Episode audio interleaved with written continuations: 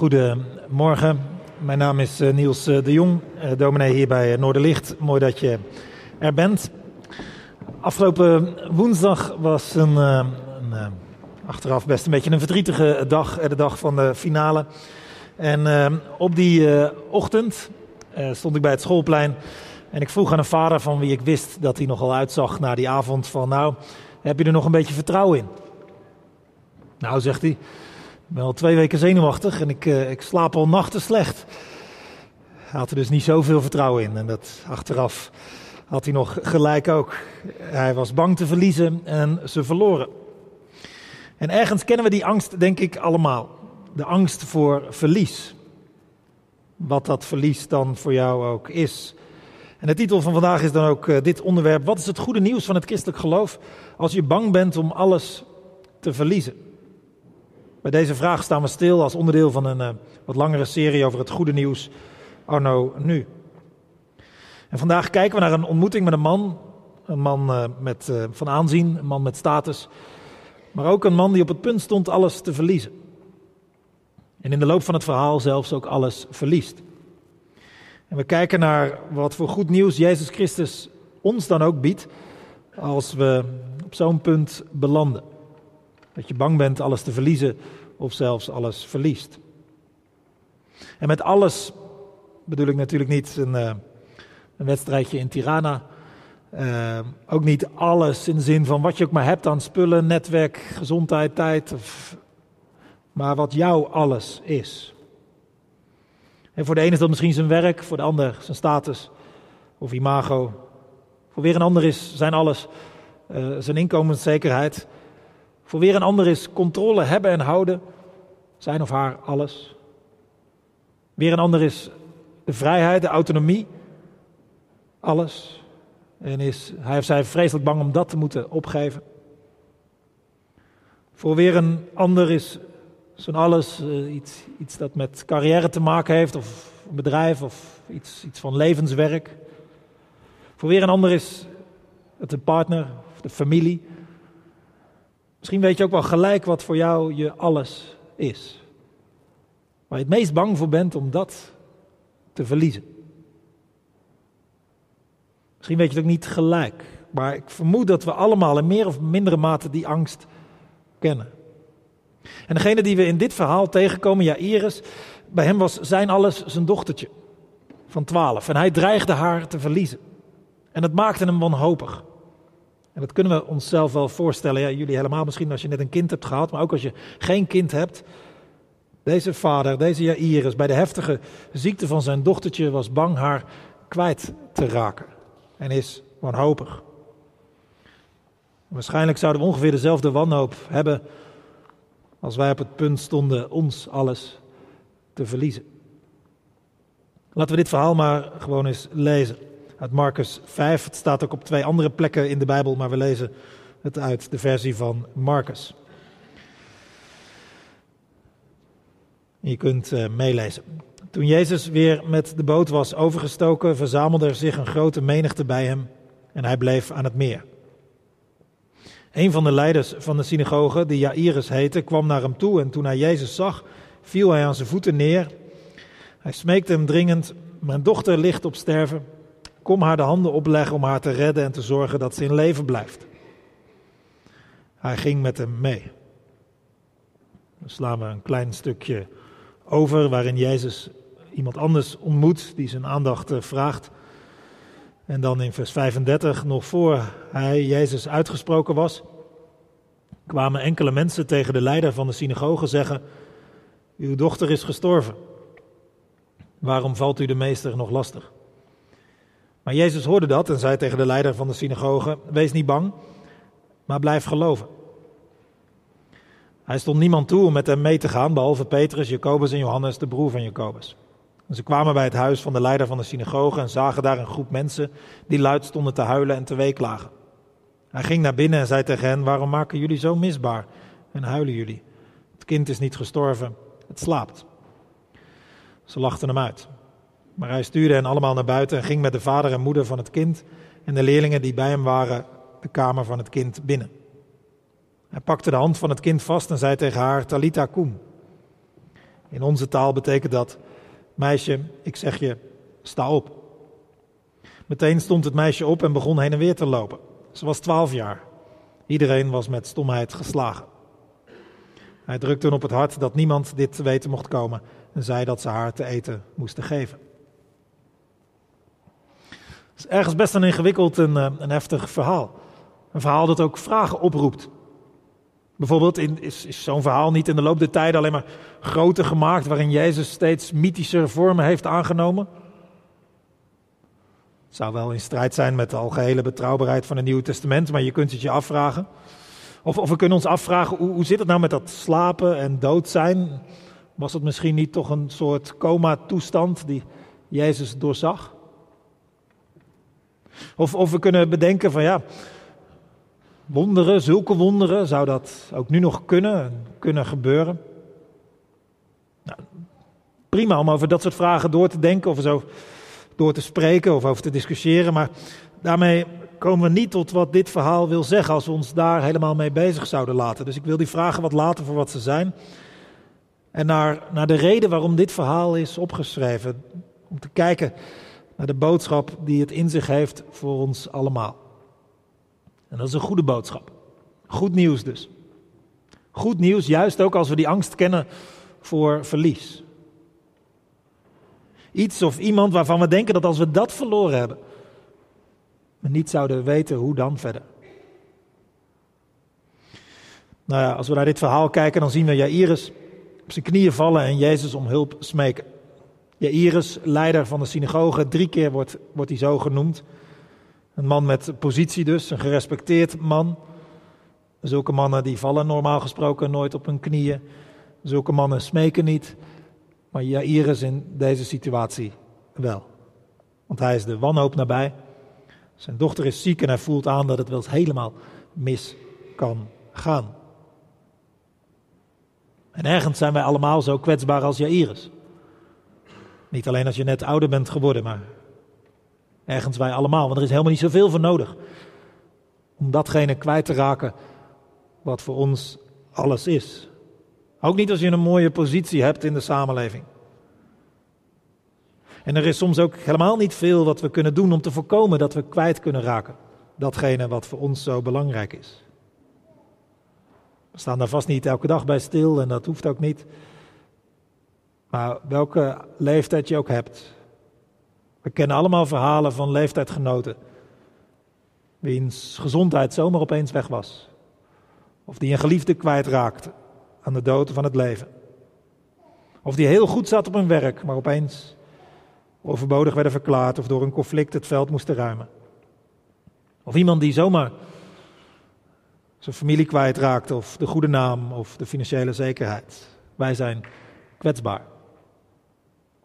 En dat wat ons alles is, is kwetsbaar. Je kunt er bang van worden en angstig van blijven. En Jairus gaat met zijn angst en wanhoop naar Jezus. Want blijkbaar dacht hij dat Jezus hem kon helpen. Hij hoopte erop tenminste. En we lezen dan niet wat Jezus zegt, maar alleen maar dat Jezus met hem meeging. Dat is maar een heel klein zinnetje. En Jezus ging met hem mee. Maar, dat is al het eerste goede nieuws van dit verhaal. Zeker als je vergelijkt hoe mensen nog wel eens kunnen reageren als je bang of wanhopig bent of het niet goed gaat. Als je, als je daar iets van deelt, dan, ja, dan lang niet iedereen kan daar wat mee. En die, die, ja, die zeggen dan zoiets van ja, het is ook niet anders. Of ja, that's life. Of, of, of, je voelt dat mensen, dat is nog erger, je voelt dat mensen het ergens anders over willen gaan hebben. Die, die, die denken, hoe kom ik hier onderuit? Hoe kom ik hier van weg? Misschien om te voorkomen dat ze hun eigen angst en problemen onder ogen moeten zien. Maar Jezus is anders. Hij loopt niet van Jairus weg. Hij probeert ook niet van Jairus af te komen. Geeft ook niet een of ander gelijk goedkoop antwoord. Hij geeft helemaal geen antwoord, maar gaat wel met hem mee. En dat is niet alleen Jezus uit dit verhaal voor Jairus. Het christelijk geloof stelt dat Jezus is opgestaan en altijd leeft. En dat hij, hoe hij omgaat met die mensen uit die verhalen, dat hij ook zo met ons, jou en mij, wil omgaan. En dus zegt dit verhaal, als je wanhopig bent, als je bang bent, Als je punt staat alles te verliezen, of als je, als je bang bent dat je datgene kwijtraakt waarvan je denkt, hoe kan ik zonde? Dit verhaal zegt ons, als je zo aan toe bent, dan kun je bij Jezus aankloppen en hij laat het je niet zelf uitzoeken. Hij geeft misschien niet gelijk een antwoord. Grote kans zelfs dat hij je geen antwoord geeft.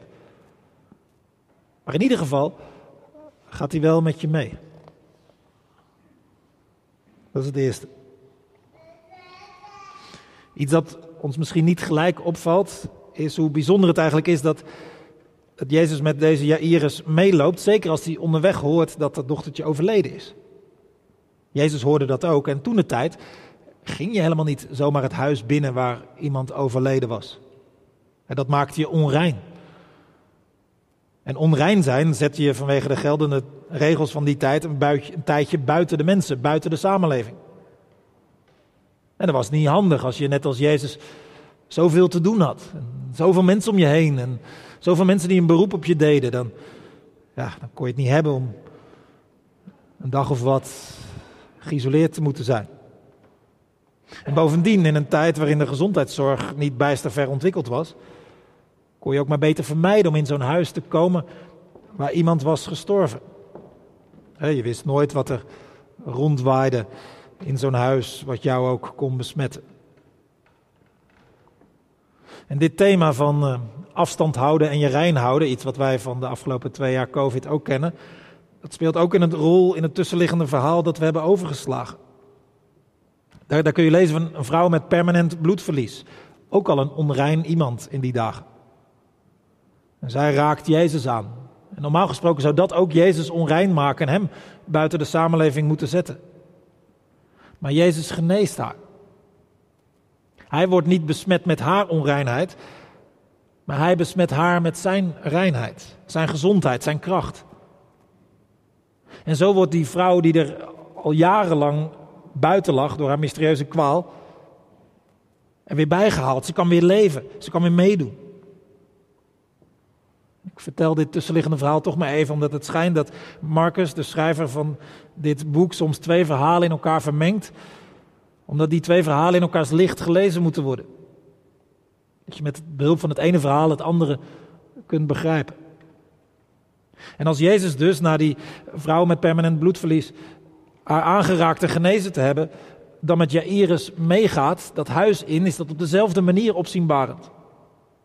Want weer blijkt leven sterker te zijn dan de dood. Jezus wordt niet besmet met iets dodelijks, met, met, nee, hij besmet haar met leven. En zij kan ook weer verder, net als die vrouw. En dat is het tweede goede nieuws uit dit verhaal. Dat Jezus niet alleen met je meegaat, maar dat Jezus iemand is die, wat er ook mis is met je, hoe je er buiten ligt, hoe verloren je er aan toe bent. Of mensen dat nou zien, weten, of dat het allemaal zich ergens aan de binnenkant zich afspeelt. Jezus is iemand die je leven geeft. Je terugbrengt tot jezelf. Tot de mensen om je heen. Tot het leven, zodat je verder kunt. Want Jezus heeft altijd met leven te maken. Hij maakt nooit stuk, maar heelt. Geeft leven. We krijgen zo al een beetje een antwoord op de vraag wat Jezus je biedt als je bang bent om alles te verliezen. Als je in nood tot Jezus gaat, is Hij degene die met je meeloopt en ook met je mee blijft lopen, zelfs als het allerergste wat je maar kunt voorstellen gebeurt. En het tweede is dat we zien dat Jezus, als hij met je meegaat, je, je leven brengt. Hij, hij strijdt mee zeg maar, tegen de machten van dood en kwaad en ziekte. En helpt je zo dat je verder kunt dan het derde. En dat is het zinnetje, wees niet bang, maar blijf vertrouwen. Dat klinkt ergens als een heel gek zinnetje. De grootste angst van Jairus is net waarheid geworden. Jairus is net zijn alles kwijtgeraakt. Zijn twaalfjarige dochter is gestorven. En nu moet hij vertrouwen houden. Niet meer bang zijn. Tuurlijk is hij bang voor een toekomst zonder zijn dochtertje. In een andere versie van het verhaal staat zelfs dat het zijn enige dochtertje is. Tuurlijk is hij het vertrouwen kwijt. Hoe kan Jezus dit zeggen? Omdat hij degene is die je meer geeft dan je kunt verliezen. Niet alleen aan Jairus, maar aan ons allemaal. Jezus is degene die je meer geeft dan je ooit kunt verliezen. Dat is bijna niet te geloven, want wij denken dat als wij alles verliezen, wat je alles ook is, of het je, je, je talent is, of je gezondheid, of, of iemand, of, dat het dan ophoudt. En dat het niet meer goed kan komen. Maar Jezus geeft je meer, meer terug ook dan je ooit kan verliezen. En eh, dan moet je niet denken aan een soort compensatie, hè? Bijvoorbeeld, eh, die bijvoorbeeld slachtoffers kunnen krijgen. Hè? dat is nooit meer dan je kwijtgeraakt was. Dat is, dat is hooguit een doekje voor het bloeden. Het, het is meer zoals ergens anders in de Bijbel staat, in Romeinen 8, dat het lijden in deze tegenwoordige tijd niet opweegt tegen de heerlijkheid van de toekomst. Het, het, het weegt niet tegen elkaar op. Het staat in geen verhouding. Het, je kunt het ergens niet eens vergelijken. Maar, maar wat je ook verliest of dreigt te verliezen. En hoe pijn dat ook doet en hoe wanhopig je ook voelt. Je bent niet alles kwijt. Want Jezus is degene die je meer geeft. Dan wat je ook verloren hebt of bang bent om te verliezen. En, dan kun je denken, ja, dat is wel mooi, maar mooie zin ook. Ik kan proberen te onthouden, maar, maar ja, in dit verhaal wel. Want in dit verhaal komt het goed. Die Iris en zijn vrouw krijgen hun twaalfjarige dochter maar mooi terug. Naar geweest, traumatisch misschien. Maar ze krijgen hun dochter toch wel terug. En ja, waarschijnlijk als je dacht dat je dochter kwijt was en je krijgt het dan toch terug, dan ben je nog blijer en dankbaarder dan daarvoor. Maar zo loopt het toch lang niet altijd af? Je bent toch soms gewoon je kind, je baan, je ouder, je relatie, je status, je goede naam of je talent of je zekerheid kwijt? En dan krijg je toch niet meer terug? Ja, die, die vragen snappen we allemaal, maar met dit verhaal heeft niet de boodschap. Als je maar tijdig naar Jezus gaat met je probleem, dat hij je dan de oplossing geeft. Waardoor alles gefixt is en weer terug bij het oude. Nee. De boodschap is niet dat hij dan als bij een wonder, zoals in dit verhaal, alles weer herstelt bij het oude. Nee. Jezus genas in zijn dagen ook niet iedereen. Hij loste ook niet alles op wat toen misging. En ook al had hij dat wel gedaan. Die genezen mensen werden weer ziek. Mensen overleden na verloop van tijd alsnog dat, zou alleen een beetje verlenging betekenen. Niet verkeerd natuurlijk, maar je schiet er ook weer niet zoveel mee op. Even voor de mensen die van voetbalmetaforen houden. Stel, afgelopen woensdag vlak voor tijd, Linse had wel zijn voet goed tegen de bal gekregen en de gelijkmaker gemaakt. Stel dat het dan in de verlenging of bij strafschoppen alsnog was misgegaan. Zo'n verlenging is aardig. Maar als je dan toch verliest, heb je er niks aan. Jezus biedt geen oplossing. Jezus biedt geen verlenging. Jezus biedt opstanding. Dat is de boodschap. En dat is wat wij nodig hebben. Meer dan wat ook. Opstanding. Want zo geeft Jezus ons meer dan we ooit kunnen verliezen. Opstanding. Daarbij denk je aan het verhaal van Paas, het verhaal van de opstanding van Jezus zelf. En juist daar verwijst dit verhaal naar. Naar die opstanding. Naar hoe Jezus zelf door de dood ging. Hoe hij weer leefde en dan voor altijd. Deze opwekking van dit meisje wijst daarheen. Want Jezus zegt immers tegen dat meisje: sta op. En mochten we de hint gemist hebben, dan, dan schrijft Lucas er, of Marcus erachteraan. En zij stond op. Dat, dat is een teken van wat Jezus doet. Als je je tot Jezus keert, dan redt hij je door de dood heen. Zelfs de dood maakt niet aan alles een einde. En met dit in ons achterhoofd, dat Jezus zelf ook, dat niet alleen maar zo wat, wat zegt, maar dat hij dat zelf ook gedaan heeft, door die dood heen gegaan is. En opstanding biedt aan iedereen die zich tot hem wendt. Dan begint dat zinnetje, wat zo raar leek, pas ergens op te slaan. Wees niet bang, maar blijf geloven. Want als je zo Jezus hebt leren kennen, Dan kun je vertrouwen in Hem hebben en houden. Zelfs als je tijdens dit leven verlies op verlies zou lijden. Hoe pijnlijk ook, hoe verdrietig ook, hoezeer je de wanhoop ook nabij bent. Je vervalt nooit in totale wanhoop. Er blijft tenminste altijd een rest van hoop, van vertrouwen, van geloof. Want je hebt Jezus. En die geeft nieuw leven. Die redt, biedt opstanding. En wat je ook te lijden hebt gekregen of nog krijgt. Het weegt niet op tegen wat Jezus Christus je gaat geven. En, en nogmaals, niet alles loopt op die manier goed af zoals hier. Dat, dat je in dit leven dat je al kunt opstaan en, en weer van alles weer krijgt. Nee, zo gaat het soms, maar niet altijd. Maar dit verhaal kan enorm helpen als we, we zien wat hier gebeurt als een teken. Teken van wat Jezus doet. Sowieso is dat een enorm belangrijke sleutel om al die genezingen, wonderen, uh, broodvermenigvuldigingen, het blinde de ogen openen. Om al die verhalen te snappen, om ze te zien als een teken van wat komt.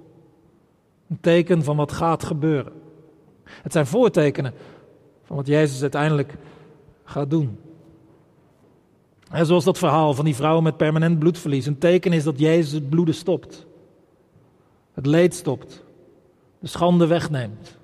Verlost. Dat is wat God uiteindelijk gaat doen voor hen die zich aan hem vasthouden. En zo is dit verhaal van het dochtertje van Iris ook een teken van wat God gaat doen. Hij doet je opstaan. Ja, soms vaak genoeg in dit leven ook al.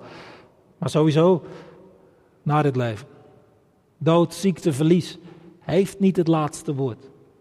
De dood zal dood zijn, het kwaad verliest. Ziekte zal verdwenen zijn. Dat is de toekomst waar God mee bezig is. En Jezus heeft daar allerlei voortekenen van laten zien. En dus is de boodschap niet van nou, hopelijk kun je er een beetje vertrouwen in houden. Maar de boodschap is, wees niet bang. Blijf geloven. Vertrouwen. Wees niet bang om te leven. Heb vertrouwen. Wat er ook gebeurt, wat er ook stuk gaat, wat je ook dreigt te verliezen, wat je ook al verloren hebt. Hij gaat met je mee, besmet je met leven en hij wekt je uiteindelijk op tot nieuw leven. En daarom door Jezus sta je er nooit hopeloos voor. Want hij kan een weg maken, zelfs als je die zelf niet meer ziet. En dat is ook wat aan Thijs meegegeven mag worden. Dat hij met Jezus er nooit hopeloos aan toe is. Wat hem ook te wachten staat. Hoe het ook met hem zal gaan. Hoe de wereld zich ontwikkelt. Wat hij zal meemaken. Dankzij Jezus staat hij er nooit hopeloos voor. Er is opstanding voor hem. Steeds weer en eens voor goed. Jezus wil hem overal doorheen halen. Zoals het Jezus, het dochtertje van Jairus, er alvast doorheen haalde.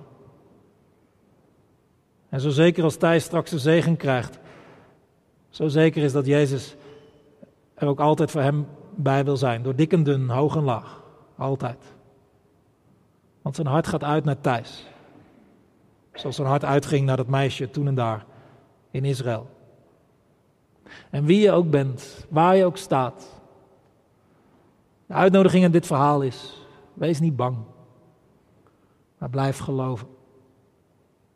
Wat je om je heen ook ziet, welke ellendige dingen er ook gebeuren, welke ontwikkelingen er ook plaatsvinden waar je je zorgen om maakt, wat er ook in je eigen leven gebeurt, ga niet bangig door het leven.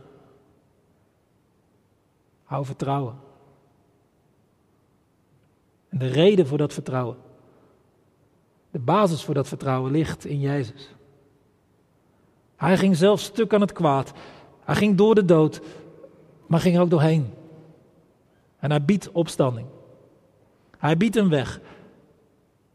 Zelfs door het grootste verlies heen. En wat hij biedt is het beste wat we maar kunnen krijgen. Iets dat we nooit meer kunnen kwijtraken. Amen.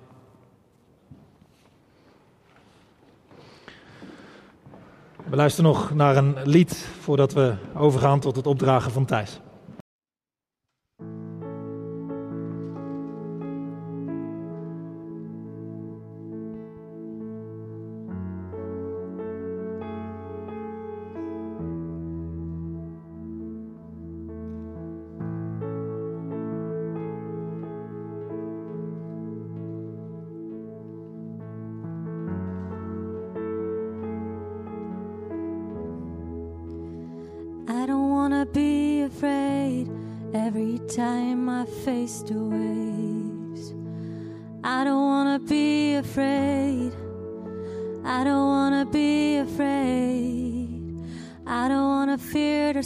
Storm just because I hear it roar. I don't wanna fear the storm. I don't wanna fear the storm.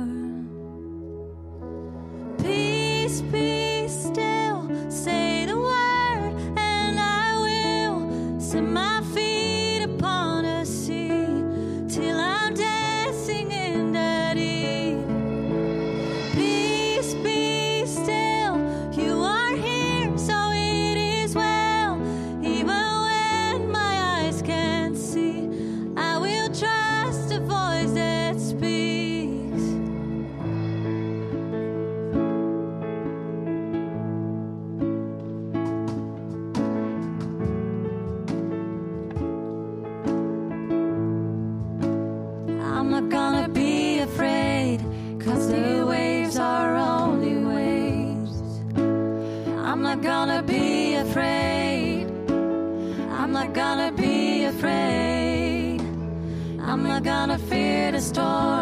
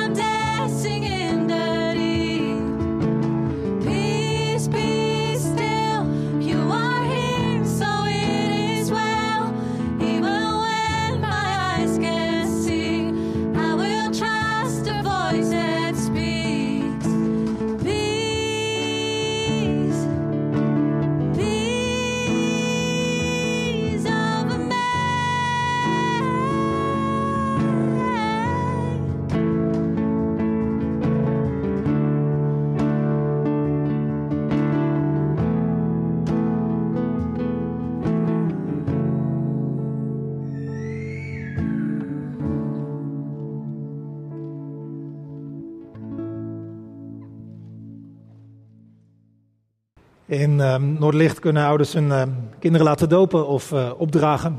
Uh, vandaag hadden we dat uh, netjes verdeeld. Sophie zou worden gedoopt en Thijs worden opgedragen. Maar Sophie, dat gaat een andere keer plaatsvinden.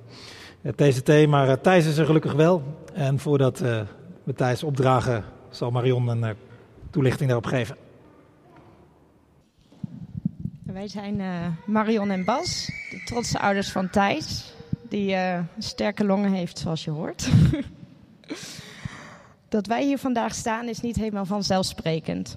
Nadat wij elkaar in 2012 in de studentenvereniging in Tilburg tijdens carnaval leerden kennen, bleek dat we elkaar wel heel erg leuk vonden. Na enkele dates stelde ik de vraag aan Bas: Ben jij ook gelovig? Nee, was het antwoord. Waar wij als kind allebei vanuit de katholieke traditie gedoopt zijn en onze communie hebben gedaan, zijn we daarna verschillende wegen gegaan. Zo ben ik tijdens mijn studententijd in Leiden kerkganger bij de Protestantse kerk, waar ik in 2015 mijn beleidenis heb gedaan. Hoe we mijn geloof zouden verweven in onze relatie en met onze kinderen in de opvoeding was daarom altijd een onderwerp van gesprek. Niet altijd makkelijk, maar voor ons beiden allebei met de intentie om er op een goede wijze uit te komen. Zo ook met het opdragen van Thijs. Ik ben dan ook dankbaar dat we hier vandaag met ons gezinnetje mogen zijn. Thijs wat minder blijkbaar. In oktober 2021 werden we gezegend met onze kleine man, die we de namen Thijs en Willem hebben meegegeven. Thijs betekent geschenk van God, wat hij voor ons absoluut is. Een heerlijk, tevreden, normaal, heel erg vrolijk mannetje. Goed lachs, sociaal en met een eigenwijs eigen willetje. Willem betekent wilskrachtige beschermer. Wij hopen dat hij bescherming mag vinden bij ons, bij zijn familie en vrienden en bij God. En dat hij ook later een steun mag zijn voor anderen. Vandaag laten we Thijs opdragen, omdat we hem bij God willen brengen en God een zegen willen vragen over het leven van Thijs. Om ons voornemen uit te spreken om Thijs met de verhalen van de Bijbel en de liefde van God op te voeden. Omdat wij geloven dat wat de Bijbel ons leert universeel goed is voor de mens. Normen en waarden zoals naaste liefde, barmhartigheid, compassie, moed, respect en interesse voor de ander, doorzettingsvermogen, gastvrijheid, vriendschap, vrijgevigheid en ga zo maar door. Waarvan wij hopen dat we dit ook aan Thijs zullen doorgeven. Ik bid dan ook dat God Thijs een gezegend leven zal geven, een vrijmoedig en ruimhartig leven, omringd door fijne mensen. En dat hij mag leven met geloof, hoop en liefde. Ik wil afsluiten met een quote uit een van mijn favoriete boeken: De jongen, de mol, de vos en het paard. Ik bedacht ineens waarom we hier zijn, fluisterde de jongen. Om taartjes te eten, vroeg de mol. Om liefde te geven, zei de jongen. En om liefde te krijgen, zei het paard. Dankjewel. Voordat we overgaan tot opdragen van Thijs, nog een paar woorden om wat uit te leggen waarom dit gebruik er is. Uh, in de Bijbel zien we dat God steeds mensen wil zegenen, zowel volwassenen als kinderen. En Jezus heeft dat ook duidelijk gezien, laten zien in een situatie die in Marcus 10 wordt beschreven. Zij brachten de kinderen tot hem, opdat hij ze zou aanraken, maar de discipelen bestraften hen. Toen Jezus dat zag, nam hij het zeer kwalijk en zei tot hen: Laat de kinderen tot mij komen en verhindert ze niet, want voor deze is het koninkrijk van God. Ik zeg jullie, wie het koninkrijk van God niet ontvangt als een kind, zal het zeker niet binnengaan. En Jezus omarmde ze en legde hun de handen op en zegende ze. Zo brengen de ouders een kind in de gemeente omdat ze de Heer willen vragen om zijn zegen over het leven van hun kind, Thijs. En ze hopen dat als hij zelf mondig geworden is met hen en met heel zijn gemeente, de ene Heer zal beleiden en erom zal vragen gedoopt te worden. Dat spoor willen ze Thijs opvoeden en laten opvoeden. En zij vragen ons als gemeente om hen heen te staan met ons gebed, ons meeleven, onze onderlinge liefde. Bas en Marion, mag ik jullie vragen om uh, op te staan? Marion, deze vragen zijn voor jou. Geloof je dat de Bijbel het woord van God is, waarin hij zich laat kennen als God de Vader, God de Zoon en God de Heilige Geest, zoals dat ook wordt samengevat in de apostolische geloofsbelijdenis? En geloof je dat je kind door Gods genade als lid van zijn gemeente mag worden gezien en dat God hem of haar wil opnemen in zijn verbond? Beloof je, neem je voor rekening, dit kind, Thijs, van wie je moeder bent geworden, bij het opgroeien met het geloof en de Bijbel op te voeden. Hem hiermee te onderwijzen en hem hierin te laten onderwijzen. Beloof je hem te willen voorgaan in geloof, hoop en liefde. Marion, wat is voor al deze mensen hier, maar bovenal voor God, jouw antwoord? Bas, fijn dat je er bent. Ik wil jou vragen, stem je in met het opdragen van Thijs en wil je Marion eh, ondersteunen in de geloofsopvoeding? Wat is daarop jouw antwoord? Dankjewel. Mag jullie vragen naar voren te komen en dan zal ik Thijs een zegen meegeven. Thijs, Willem, de Heer zegene je en hij behoede je. En hij doet zijn gelaat over je oplichten en hij zij je genadig en geef je zijn vrede. En vanuit de Bijbel krijg je mee, en het past bij je naam, zal hij die zijn eigen zoon niet gespaard heeft, maar omwille van ons allen heeft prijsgegeven, ons met hem niet alles schenken? Amen. Dan mag ik vragen om jullie allemaal op te staan. En willen straks uh, Bas Marion en een uh, kleine Thijs een zegen toezingen. Maar eerst heb ik deze vraag nog. Gemeente van Noorderlicht Blijdorp, willen jullie dit kind, uh, dat vandaag opgedragen is, in liefde ontvangen? Hem gedenken in jullie gebeden. En hem en zijn ouders omringen met jullie zorg, als dat nodig mocht zijn. Wat is hierop jullie antwoord? Ja, dank jullie wel.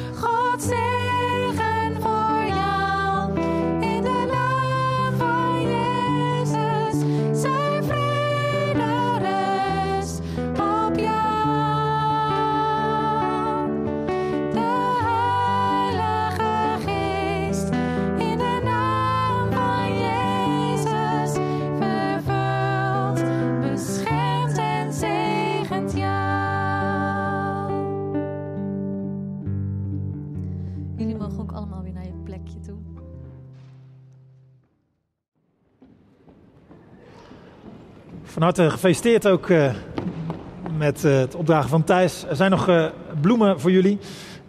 ik zie ze even niet, maar ik heb ze wel zien langskomen, dus vergeet ze niet. En veel geluk en zegen met jullie kleine man. laten we God danken en bidden. Heere God, dank u wel dat u zo'n God bent die met ons meegaat. als het mooi is, als het goed gaat, als we de wind mee hebben, als er allemaal dingen zijn die, die, die goed zijn en ons blij maken. Uh, maar u gaat net zo goed mee als het, uh, als het tegenwind is, als, als het moeilijk is, als, er, als we wanhopig zijn of angst kennen of verlies hebben geleden.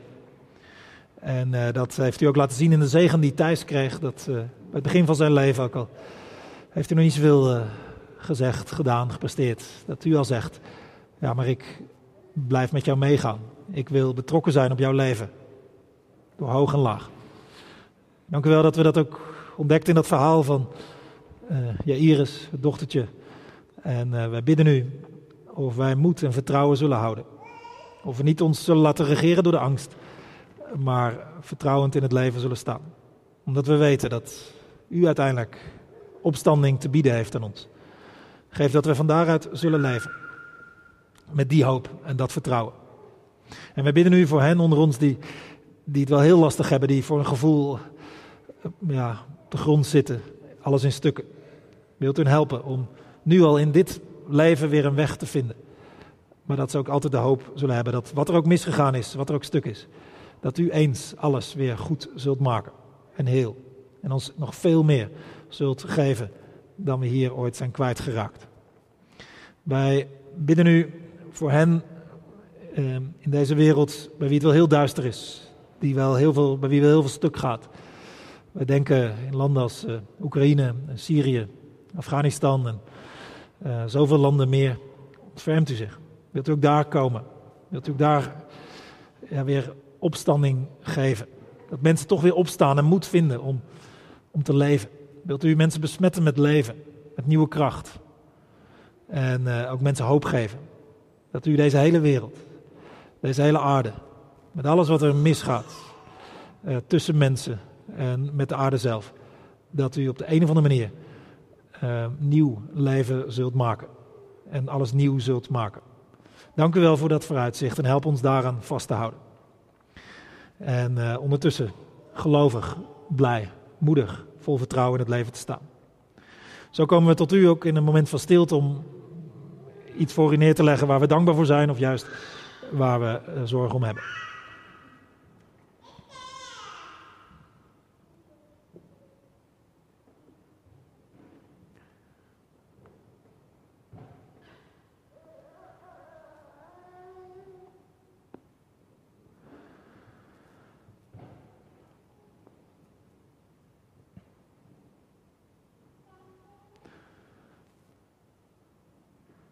Neem ze onze eh, dank aan en hoor onze gebeden. Ook als we daar nog aan toevoegen, de naam van Sophie, wilt u haar beter maken, haar ouders zegenen.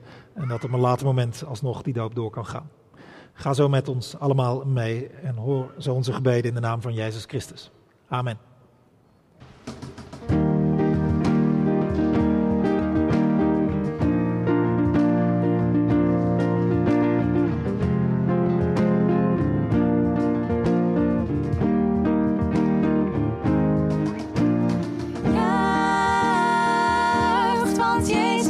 See.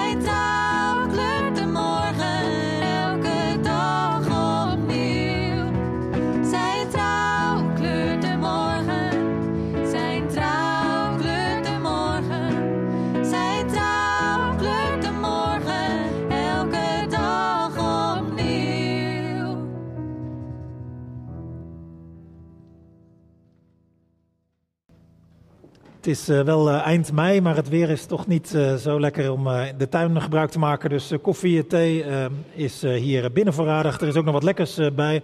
Ook gelegenheid om de ouders nog te feliciteren. Links achterin is de gelegenheid om ergens voor te bidden. Iets voor jezelf of iets van een ander. Maak er ook gerust gebruik van. Daar zijn mensen voor. En voor nu en voor de komende tijd, en wie je ook bent, waar je ook weer heen gaat, ga in ieder geval niet zonder de zegen van de Heer. De Heer zij voor je om je de weg te wijzen. De Heer zijn naast je met je mee te gaan van stap tot stap. De Heer zij onder je om je op te vangen als je struikelt. Rondom je om je te beschermen tegen de boze. In je om je te troosten en boven je om je te zegenen.